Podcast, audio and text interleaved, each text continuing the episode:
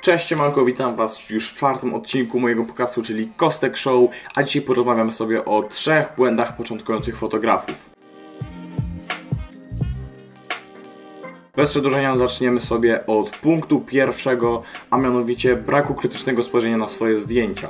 Chodzi o to, że bardzo dużo fotografów, takich młodych, początkujących, nie patrzy na swoje zdjęcia okiem odbiorcy, tylko po prostu, jeżeli pokazują komuś swoje zdjęcia, to po prostu pokazują wszystkie po kolei. Nie wybierają najlepszych, nie pokazują maksimum tego, co aktualnie potrafią, tylko pokazują wszystko. I wydaje im się, że każde zdjęcie, które komuś pokażą, jest ładne, yy, będzie się podobało. I choć w większości przypadków jest to prawda, to w 90% niestety nie.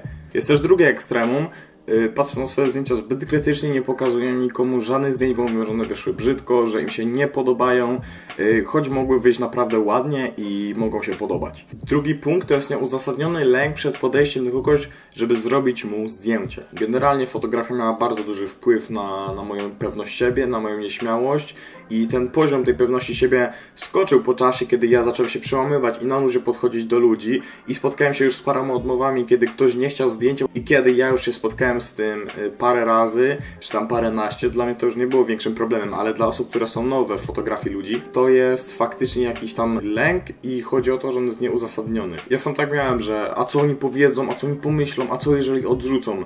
No i wtedy w zasadzie odpowiedziałem sobie po dłuższym czasie, nie stanie się kompletnie nic. W fotografii bardzo ważne jest, żeby próbować wielu rzeczy, w tym właśnie podstawowym elementem później jest podchodzenie do ludzi warto to trenować od samego początku. Czyli podchodzisz, mówisz, że robisz tam zdjęcia, no nie wiem, dla dla jakiegoś tam lokalnego portalu, co już się pojawiało wiele razy, albo robisz tam jakiś projekt fotograficzny, na przykład, nie wiem, najciekawsze wrocławskie twarze.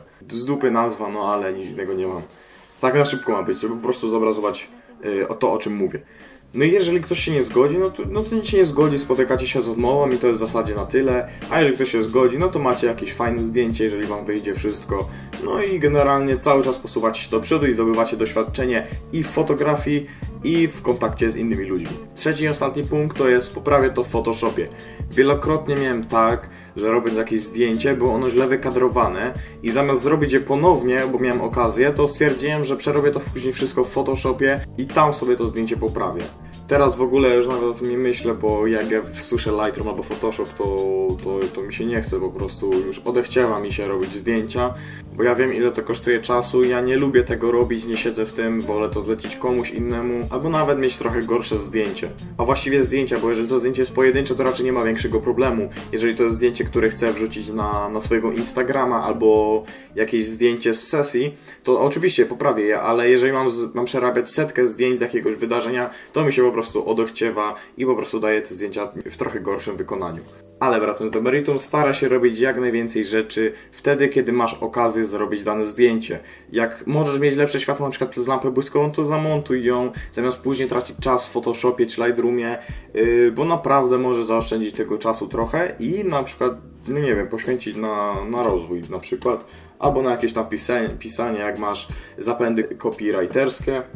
E, I lepiej naprawdę poświęcić ten czas na coś innego, aniżeli bawić się później w Lightroomie e, w coś, co mogłeś zrobić podczas robienia zdjęć. Drogi słuchaczu, zbliżam się do końca czwartego odcinka mojego podcastu, czyli Kostek Show e, i zaraz przytoczę wszystko, o czym mówiliśmy w krótkim podsumowaniu. A więc zaczynając od punktu pierwszego, brak krytycznego podejścia do swoich zdjęć, ale także ekstremum, jakim jest zbyt krytyczne podejście do swoich zdjęć. Trzeba to odpowiednio wyważyć. Drugi punkt to jest nieuzasadniony strach przed podejściem do kogoś przy okazji robienia zdjęcia z bliska.